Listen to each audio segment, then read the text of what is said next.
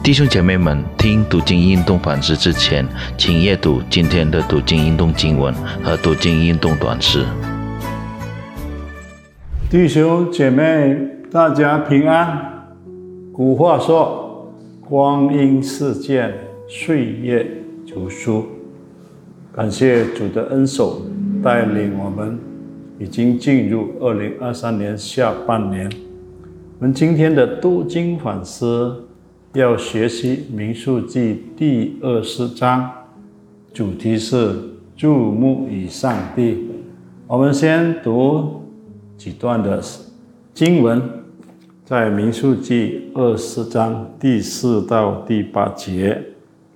第四节，你们为何把耶和华的会众领到这旷野，使我们和牲畜都死在这里呢？你们为何逼着我们出埃及，领我们到这坏地方呢？这地方不好撒种，也没有无花果树、葡萄树、石榴树，又没有水喝。摩西、亚伦离开会众，到会幕门口，匍匐在地。耶和华的荣光向他们显现。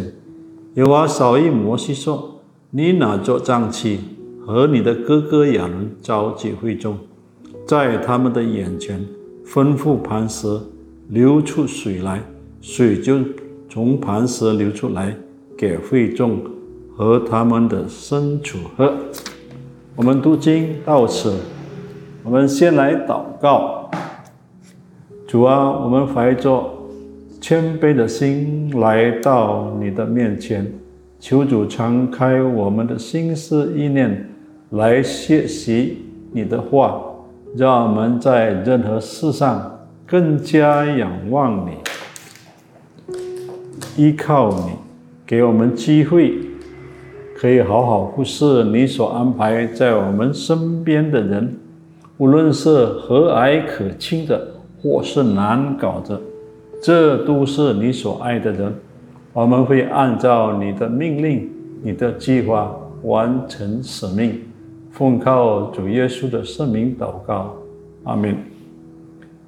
转眼间，以色列百姓离开埃及已经三四年，前往应许之地的短途旅程，被以色列百姓走成了辛苦漫漫长路。这一章记载了米利安和亚伦在旅途中过世的消息。而且表示他们最后没有进入牛奶与蜜的迦南美地，在这个节骨眼上，百姓的人发怨言，也让摩西犯下了后悔莫及的错误。摩西的姐姐在此时过世了，这是神给了一个重大的信息。连米利安这样一个爱神的人，他都没有机会进入应许之地。当中的人还不警醒，论辈分、论能力、论神的使用，他们都比不上米利安。以色列还以色列民还不悔改，不依靠神，结果会众没有水喝，就积极一起来攻击摩西亚伦。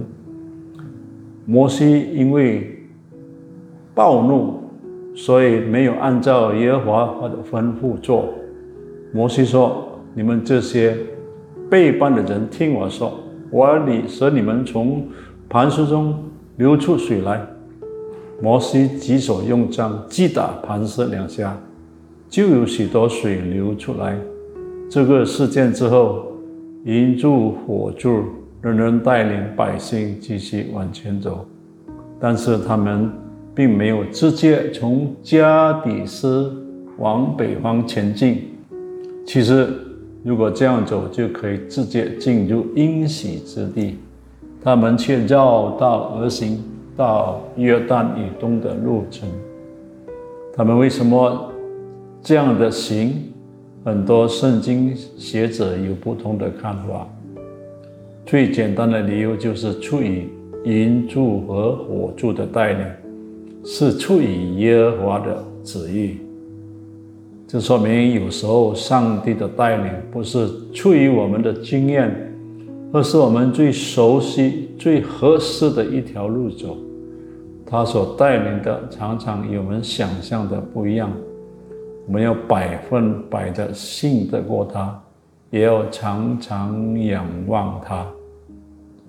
他们在行这个旅程之呃之呃之中，也要经过以东的境界。可是以东王不肯容他们从他的境界过去，于是以色列百姓就只好转去离开他。后来我们看到神，呃，给这个以东有一定的审判，因为他让他的百姓吃了闭门羹。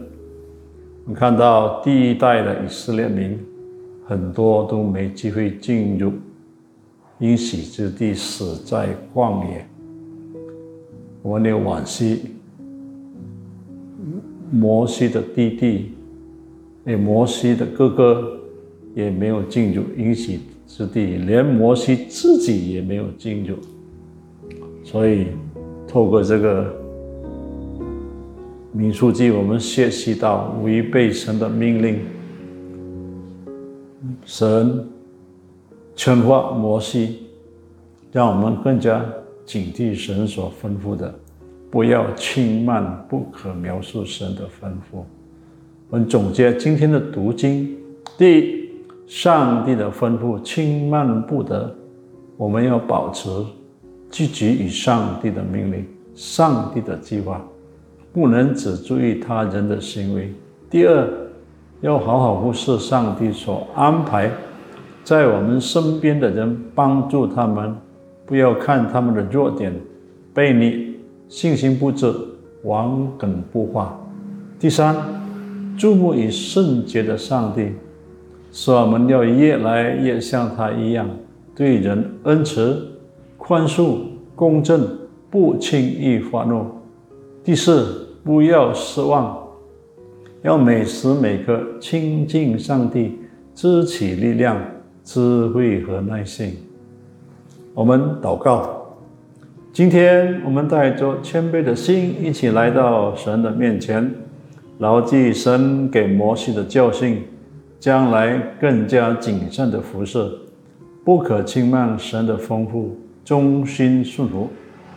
我们软弱的地方，诚实的告诉神，相信神会帮助我们胜过，拥有更刚强的信心。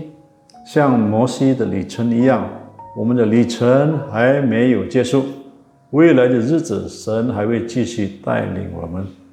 而且会看到神的慈爱与我们同在，奉主耶稣的名祷告，阿门。愿上帝祝福大家。